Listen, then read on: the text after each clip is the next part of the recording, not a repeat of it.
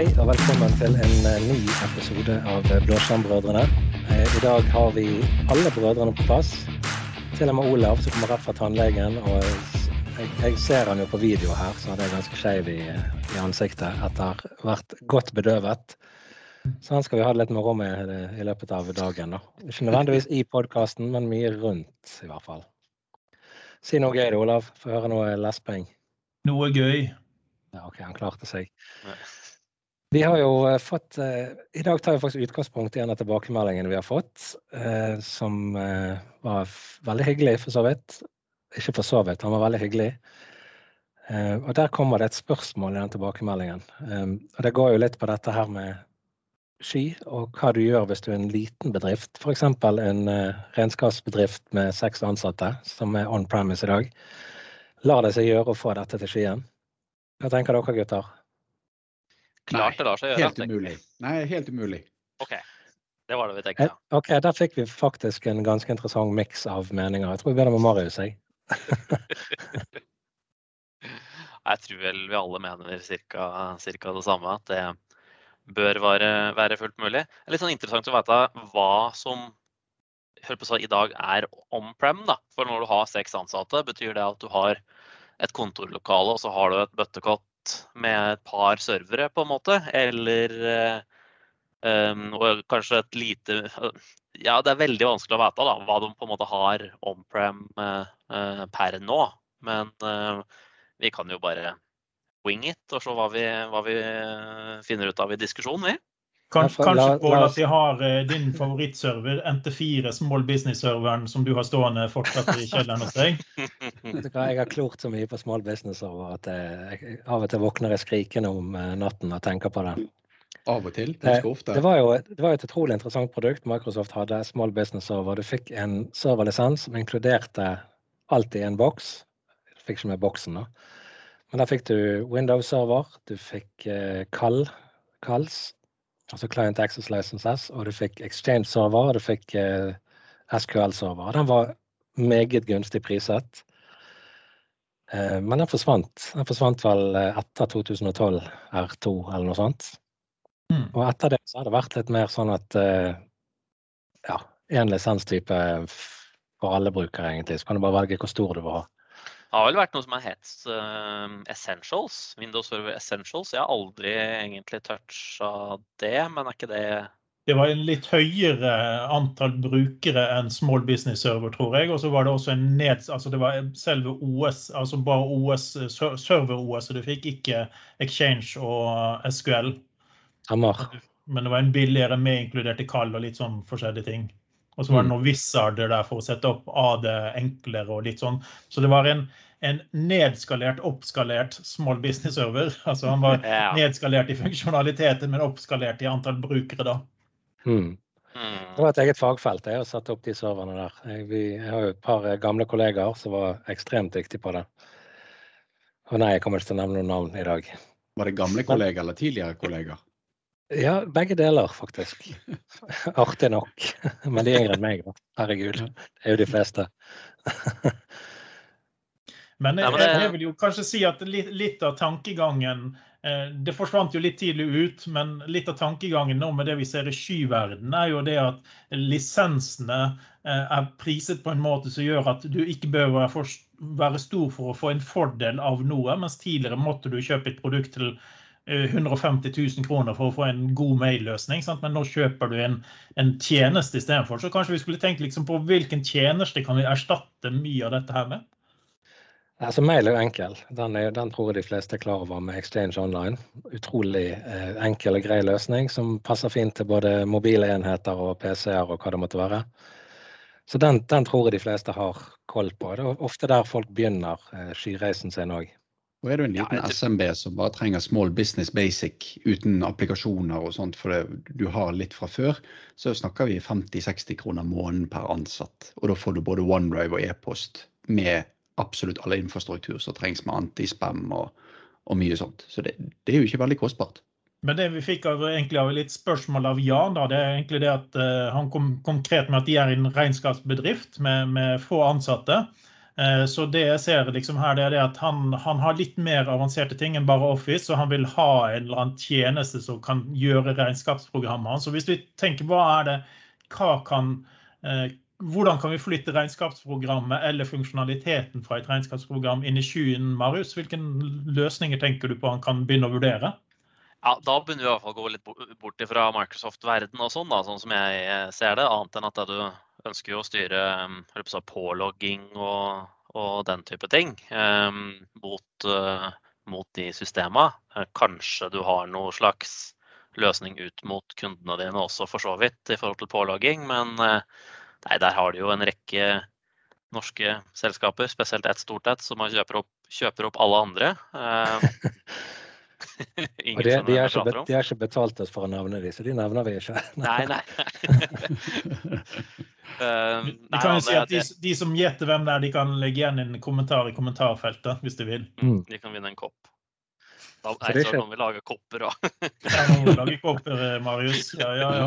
ja da får vi gjøre det, da. Ja. For det er, ikke, det er ikke regnskap i Excel du tenker? Det er ikke regnskap i Excel jeg tenker. Um, men um, jeg, jeg, tenker jo det som må være en god strategi, da, det er jo på en måte å posisjonere seg sånn at man faktisk kan begynne å konsumere SAS-tjenester fra forskjellige leverandører. Det må være triks én. Um, og jeg vil si et godt første steg der, det er med antagelsen om at det som er on-prem, der har du kanskje et Active Directory, antar jeg, så sånn de ikke kjører lokale brukere. Det kan jo for all del hende det når du har seks ansatte. Eller er det voldsomt å ha AD for seks ansatte? Nei, det er vanskelig å si. Men uansett, da, at man begynner å etablere seg f.eks. Asher AD. Det kan du gjøre free. Har du seks brukere, så kommer du langt med free, bortsett fra at uh, du kanskje får litt høyere sikkerhet med noen lisenser og sånt der, men med security defaults og greier, så har du MFA og det du, det du egentlig trenger. Det blir jo uansett sikrere enn den small business-serveren med NT4 som står som autentiseringen eh, i dag. Sant? ja, så du vil, du vil allikevel løfte deg. Nettopp. Og da har du på en måte etablert brukere i, i skya for null kroner i måneden. Um, da kan du fint velge å legge på Microsoft 365-tjenester eksempelvis, da, som Exchange, veldig enkelt, um, til lav kost. Men i tillegg så er det det at uh, hvis de da ser på uh, forskjellige typer SAS-løsninger. Eh, Hva er en SAS? Ja, altså det, det, det, skal vi ta. Det er ikke flyselskapet uttalt med litt SAS, ja. tannlegebedøvelse? vi kan ta det, da. SAS, PAS, IAS og definisjoner der. Um, når jeg sier SAS, uh, da altså software as a service, da uh, mener vi egentlig uh, en, at du kjøper en løsning. Du får en, du får en regning. Den løsningen den trenger bare litt, kanskje litt konfigurasjon. Ikke sant? Si at du kjøper et regnskapsprogram online, da, for å ta det eksempelet. Da setter du opp uh, uh, hvor eh, regninga sendes fra, kanskje. Litt sånn branding, noe kontor og sånt for Ja, nå, nå ble det jo plutselig fakturaprogram jeg prater om, da, men, men Du slipper liksom å, å patche servere og ja, skifte Ja, du patcher ingen servere, men du deployer heller ingen kode inn på løsningen. Du bare konfigurerer litt ting. Eh, og på, på det viset så, så er, er, på en måte eh, leverandøren ansvarlig for, for absolutt alt, bortsett fra, kall det, dine data konkret. Det er du bare kommer med dine data og fòrer inn i løsningen, og så benytter du løsningen. Det er sånn veldig enkelt uh, forklart med SAS. Um, hvis vi skal begynne å flytte det ansvaret av deler av løsningen til oss sjøl, bort fra leverandøren, da begynner vi å snakke platform as a service, PAS. Um, da vil det si at det, uh, kanskje en, en leverandør da, står for å uh, ikke bare ha en virtuell maskin som du får, men, men er, de kjører på en måte infrastrukturen under sammen med f.eks. en IS-server eller en Apache-server i liksom webserververdenen. Eller for den saks skyld en databaseserver for deg. Og så, og så kommer du på en måte med både konfigurasjon, men du kan også dytte kode på toppen. Så du kan f.eks. ta en webside dytte inn i en webserver, hvor da den leverandøren de står for at den webserveren den skal snurre og gå, ikke bare VM-en som den webserveren kjører i, da, for å si det sånn. Så du begynner å på en måte ta litt mer ansvar eh, av koden i løsningen. Eh, mens du ønsker fortsatt ikke å drive og patche servere og, og sånne ting. da. Og Det er jo litt varierende hva man leverer tilbud der, egentlig. Sant? Man får noen som leverer mer, og noen som leverer mindre. Så det er ikke one size fits everything. Nei, og så er det ikke sånn at det er veldig faste grenser her heller. Um, hvis du nevner IAS da, til slutt, som Infrastructure as a Service, der um, sier du på en måte typisk at uh, en VM da, er en sånn typisk ting der. Um, hvor, hvor, du går inn i AVS eller Azure-portalen og sånt, og bare sier ny virtuell maskin. Kobler den til noen, noen nettverk og sånn. Og det også er en del av på en måte infrastruktur som en tjeneste. Um, og så er egentlig den leverandøren sitt ansvar ferdig. De skal bare sørge for at hardwaren under funker. Og du har en VM som snurrer, eh, men du må sjøl patche og sånne ting. Men så fins det jo da alle de store skyleverandørene. De har forskjellige automatisk patching basert på geografisk lokasjon og tilgjengelighetssoner og alle mulige sånne type ting. Som enklere gjør din hverdag, eh, sjøl om du sånn sett drifter en VM. Så de tar på en måte leverer litt av det du egentlig forventer inn i, inn i PAS-verden, da, som på en måte, hvor du har gitt bort mer av ansvaret. Sånn at det er ikke noe sånn at det her er helt klart IAS, det her er helt klart PAS. Du, det er litt sånn flytende avhengig av hvilke tjenester du velger å benytte. Jeg syns jo pizza as a service er en fin analogi. fordi at man kan jo lage pizzaen selv, og da står man for infrastrukturen selv.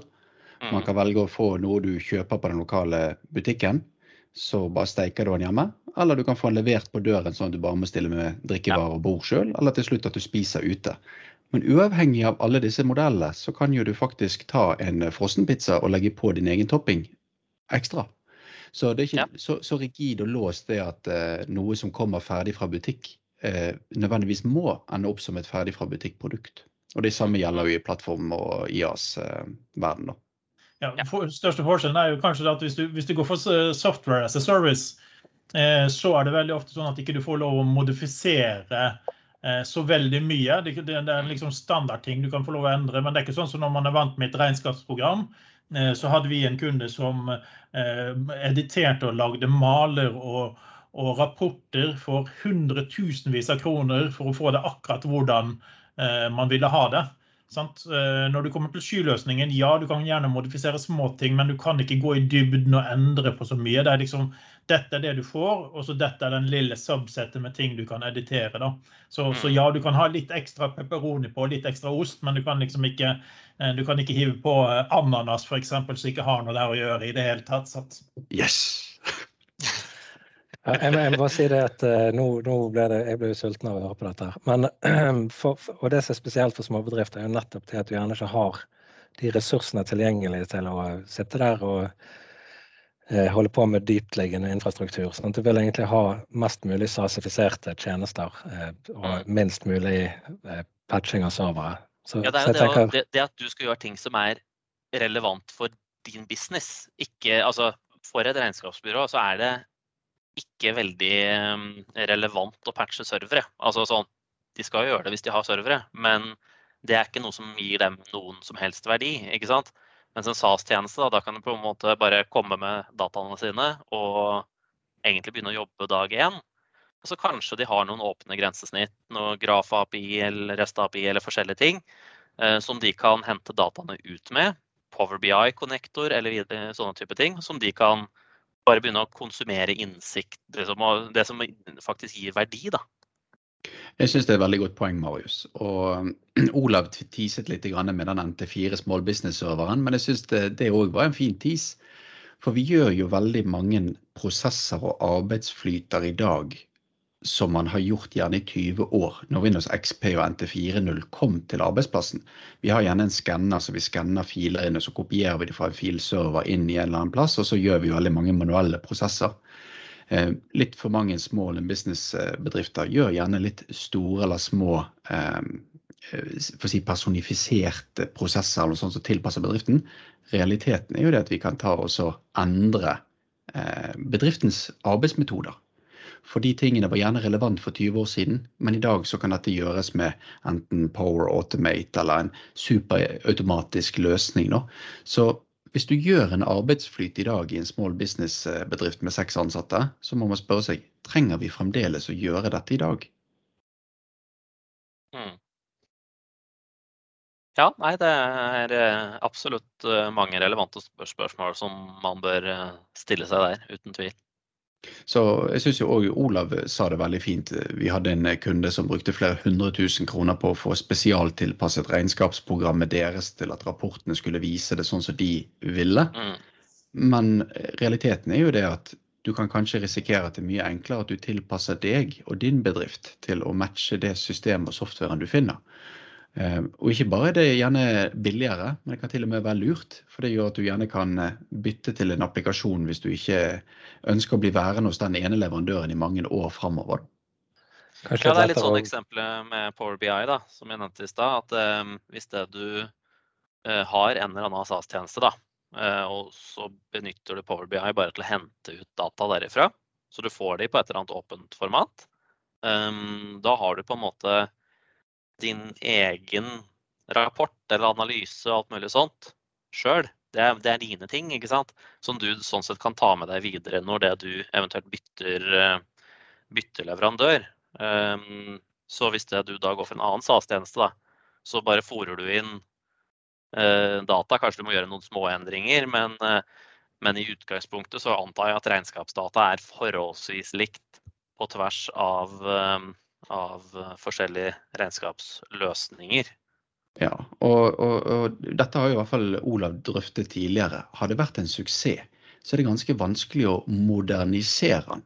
Du kan risikere det at dette er en seilskute i, eh, i eh, si, dampskipenes tidsalder. Kanskje seilskuten skal få lov til å seile videre så lenge han har en funksjon der og kan bli et arkiv og kan til slutt bli et museum for de ansatte. Gå inn og ta en kikk i, i, det som finnes i det gamle systemet, mens man anskaffer noe nytt. Det nye man anskaffer, må man alltid sørge for at kan holdes moderne, at det aldri blir avleggs, sånn at man slipper å ta disse store skippertakene hvert eh, tiende til tyvende år. En, en, annen ting som vi har diskutert gjerne ikke fullt så mye, er jo det at man slipper jo noe så utrolig kjedelig ting som backup Idet man har noe som helst on-prem, om det er NAS-boks, om det er klient-PC-er eller om det er servere, så må man ha en eller annen form for backup.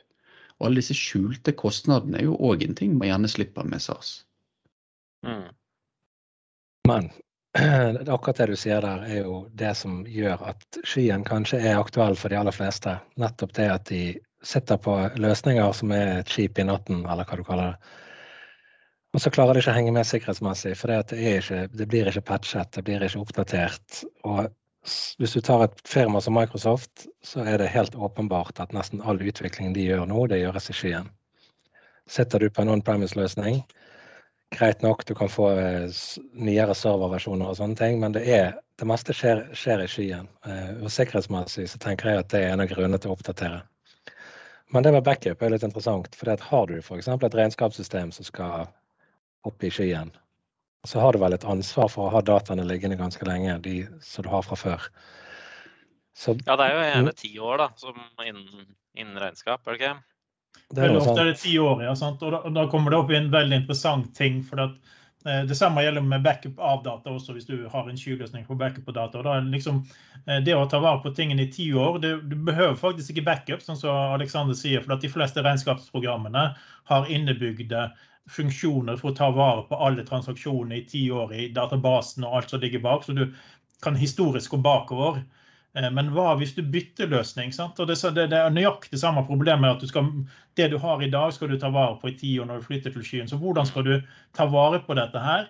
Eh, når den først er blitt til skyen, skal du betale ti års leie for å bruke det ene systemet før du bytter over til et nytt system. Sant? Altså, den overgangen er blitt veldig forvirrende. Så det er ikke så lett å bytte fra et system til et annet så lenge du eh, må ta vare på det. Det var faktisk lettere i on-prem-verden, for da hadde du backup av alle serverne. Backup av all dataen. Så hvis noen kom og sa vi må se regnskapet for syv år siden, ok, da fant du fram børset den gamle tapestriveren du hadde på den tiden, og det gamle backup-programmet. Men du kunne ta ristår av et miljø når du trengte det. Men eh, det kan ikke du be din leverandør av, av regnskapssystemer gjøre nå. altså si nei, vi betaler deg ingenting de neste ti årene, men hvis vi ringer deg, så må vi få ristår av alt. Sånt. Men eh, vi snakker SMB, det var ikke tapestasjoner, det er ZIP-disker. Ja, ikke sant. Ja. Men der, der, der kommer vi kanskje, for Hvis vi tar litt den tanken videre med at vi, har, eh, vi skal migrere, og vi har funnet ut at vi må ta vare på dataene våre i ti år, så hvordan skal vi gjøre det? Og jeg tenker Vi har kanskje to gode løsninger her. Det ene er å betale for at dataen blir migrert inn i det nye systemet, sånn at vi har det liggende der. Eh, og det andre er vel kanskje at vi kan benytte en av de andre modellene dine, Marius, til å flytte dette til skyen allikevel, og kanskje spare penger istedenfor å måtte ha det liggende? Eh, ja, altså det som jeg tenker, da, som på en måte den andre varianten, det er jo kall det arkivering av, eh, av datatype med lagringskontoer og den type ting. Og, og si, si, at du kan Det er mulig jeg bommer på helt hva du tenkte, Olav, men, ja. men um, um, si at du har regnskapsdata, og du, da er det vel sikkert noe forskjellig bilag, og det er uh, forskjellige egentlig strukturerte data da, du, du har. Um.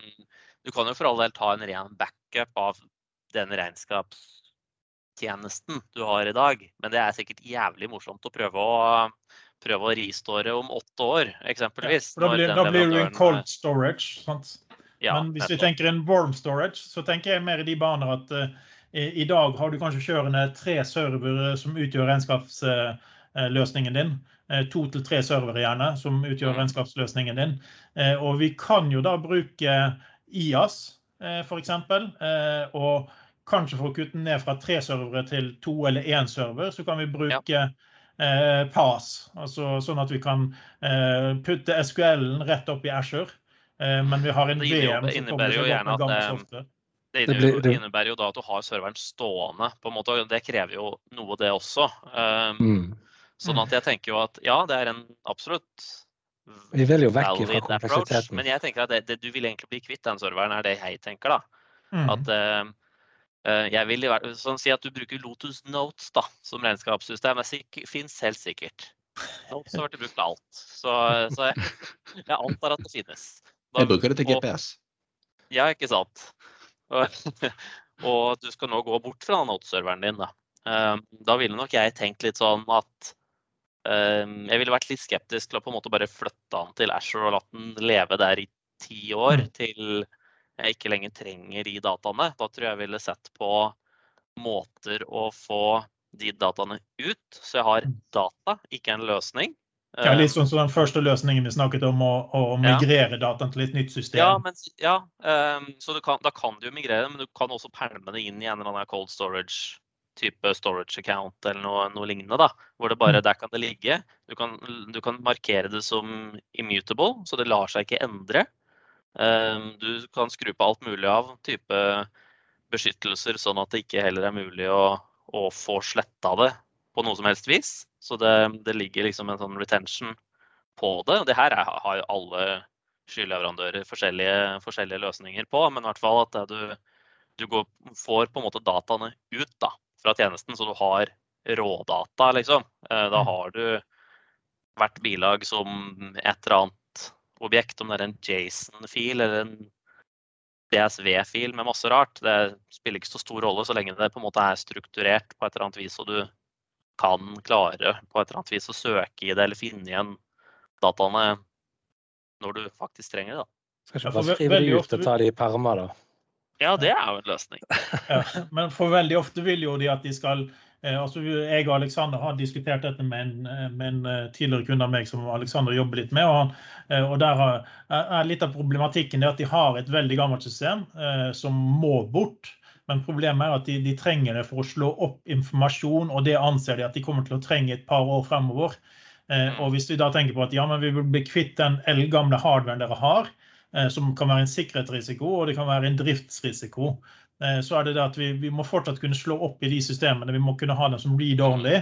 Og da må man ta den vurderingen. Skal vi migrere det, eller kan vi migrere databasen for eksempel, som jeg sier, over til SQL? Og så må vi ha en low cost server. For man kan faktisk tenke så, såpass at hvis vi tenker at flytte tre VM-er til skyen er dyrere enn å kjøre det på den gamle hardwaren.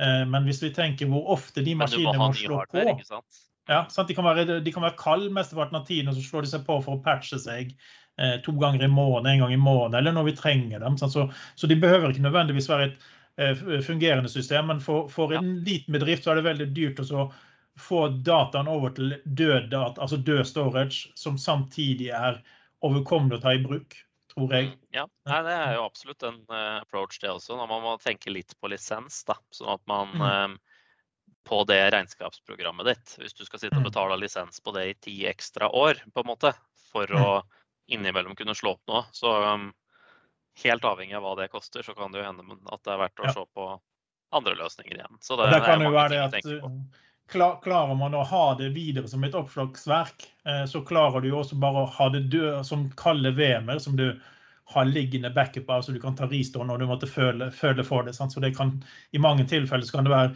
være, veldig viktig å finne ut hva er cut-over-datoen vår.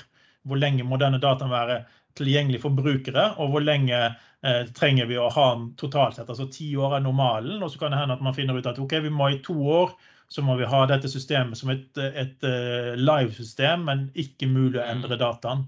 Eh, og så kan du velge å si at ok, etter to år så er det ikke fysisk mulig å få tak i den, bortsett med special demands. Da, da kan vi fyre dette opp igjen. For, for veldig mange tilfeller så er det veldig dyrt å migrere to års regnskapsdata inn til et system som ikke er kompatabelt.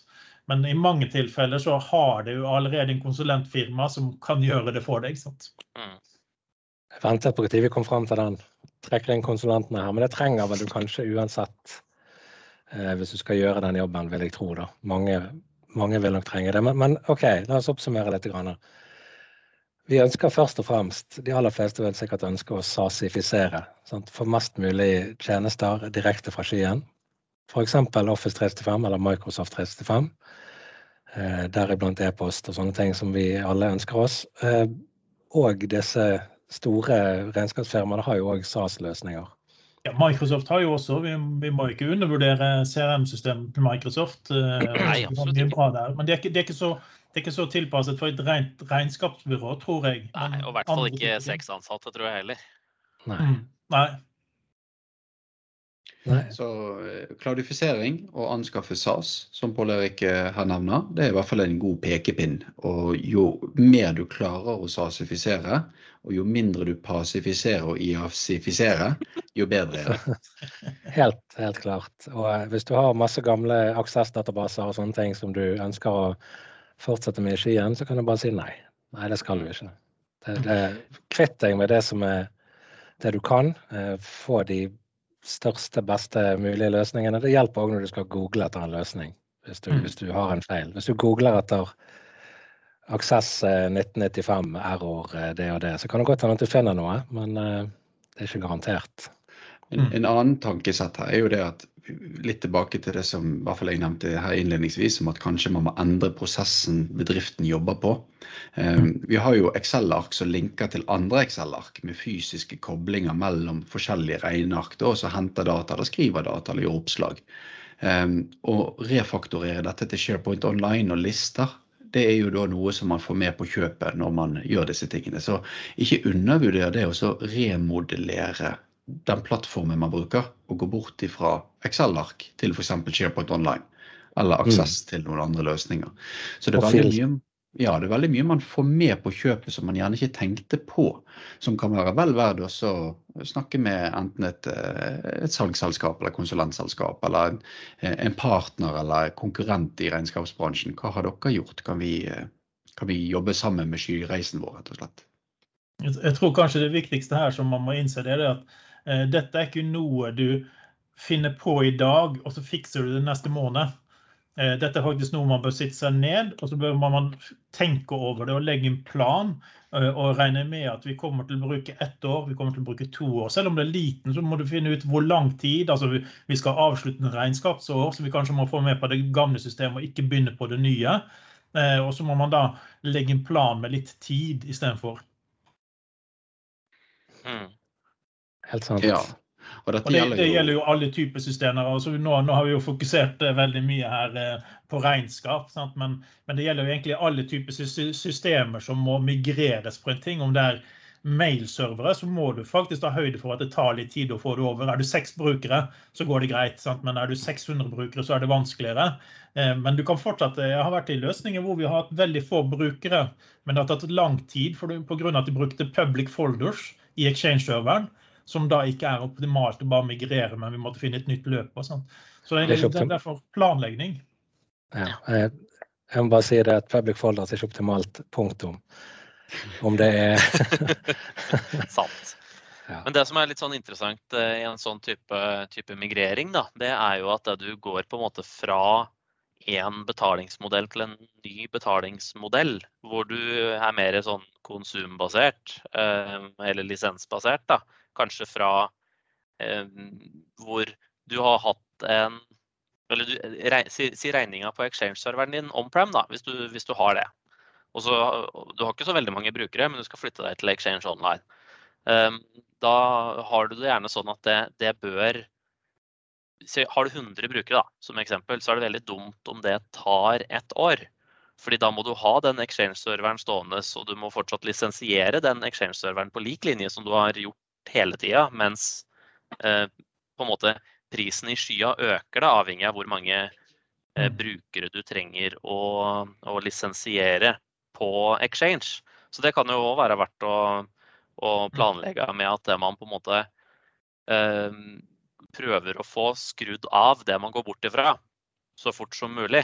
Eh, I den forma at du sier at vet du hva, den uka her migrerer vi exchange. Ehm, på søndag så skrur vi av den exchange-serveren, og så um, har du jo alltids noen avtaler og ditt og datt da, som går på de lisensene du har i dag, men, eh, men i hvert fall ehm, da kan du si opp exchange-server-lisensen. Eller hvis du har en eller annen hoster i dag da, som patcher den for deg, da kan du si opp den fra neste måned eller sånne ting, så du på en måte får de besparingene så, så fort som mulig. Da. For ellers så blir det jo fort dyrt hvis du hele tida skal på en måte bare øke skykonsumet ditt, men du får egentlig aldri senka on-prem-konsumet. Og ikke mm. minst ha kontroll over hvilke avtaler du faktisk har, sånn at du husker å si opp alle og de som er påvirket. Altså, eh, F.eks. med Exchange her, så backup kan jo være én ting, men hva med de Eh, den eh, hvitvaskeren du måtte ha, eller archivingen du måtte ha, antivirusen du måtte ha. Altså, det kan være mye mer kostnader enn det du faktisk tror. Og eh, jeg har vært, jeg har vært vitne til firmaer som har betalt årevis på supportavtaler med utrykningsgarantier på utstyr som de har sluttet å bruke. Og du får ikke igjen pengene, for det, du har jo lønnet noen som skal stå i standby. Mm. Så sørg for å få en kontroll over den totale utgifts Eh, strukturen på det du skal bli kvitt, sånn at du faktisk ser hvor mye sparer vi. For at man kan tenke seg at denne exchange-serveren den er gammel, men den kan leve i tre år til, så den koster oss ikke noe. Jo, for du har fortsatt diverse andre avtaler som du må kalkulere inn. Sant? Så få oversikt. Ja, her har folk kjempeoversikt over. Jeg har god erfaring med at de aller fleste de har superoversikt over alle tjenester som sitter sammen. og avhenger av hverandre og sånt. Ja, ikke sant. Jeg, tipper at et regnskapsselskap har sikkert det, men veldig mange har, har det ikke. ja, så... Men man blir eh, ofte overrasket når man først sitter seg ned og begynner å tenke og se på tingene. Altså, det er jo bare å se på Ashore-regningen din.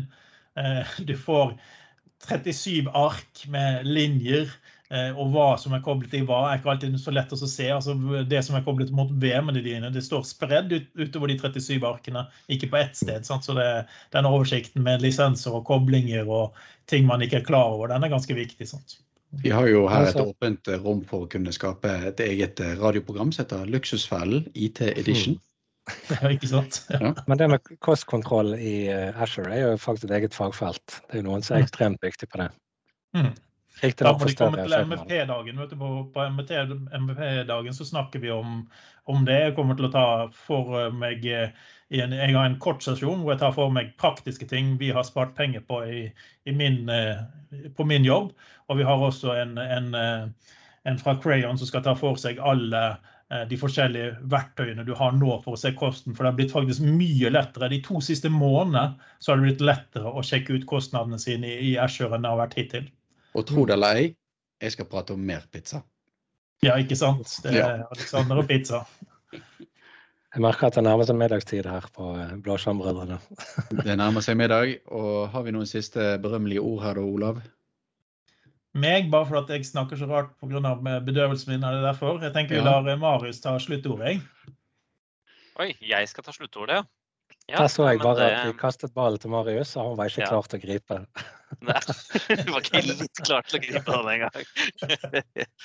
Nei. Eh, da er det sasifisere, passifist. Eh, hvilke andre ord var det vi hadde her i stad? Nei, det var kanskje passifist, pasifist. Det var Ja. Jazzifist. Jazzifist. Ja, nei eh, Det er veldig Eller start, start lett i, i skya. Etablere identitet. Jeg er identitetsmann, så jeg må alltid starte med det. Eh, men det er meget vesentlig, og der kommer du, eh, kommer du mm, veldig fort i gang uten å betale en krone. Eh, da posisjonerer du deg veldig greit for å kunne starte den, den reisa med å, med å ta i bruk forskjellige SAS-tjenester, om det så skulle være regnskap eller helt andre Ja. ting. Og, og være planlegging er jo det morsomste. ikke sant? skyld, ikke sant? Planlegging er jo det morsomste. sant? Vi må rett og slett eh, planlegge i god tid, sånn at vi gjør det strukturert og fornuftig, istedenfor at man bare tenker at dette høres bra ut. Så Mm. planlegging og struktur. Absolutt. Yes.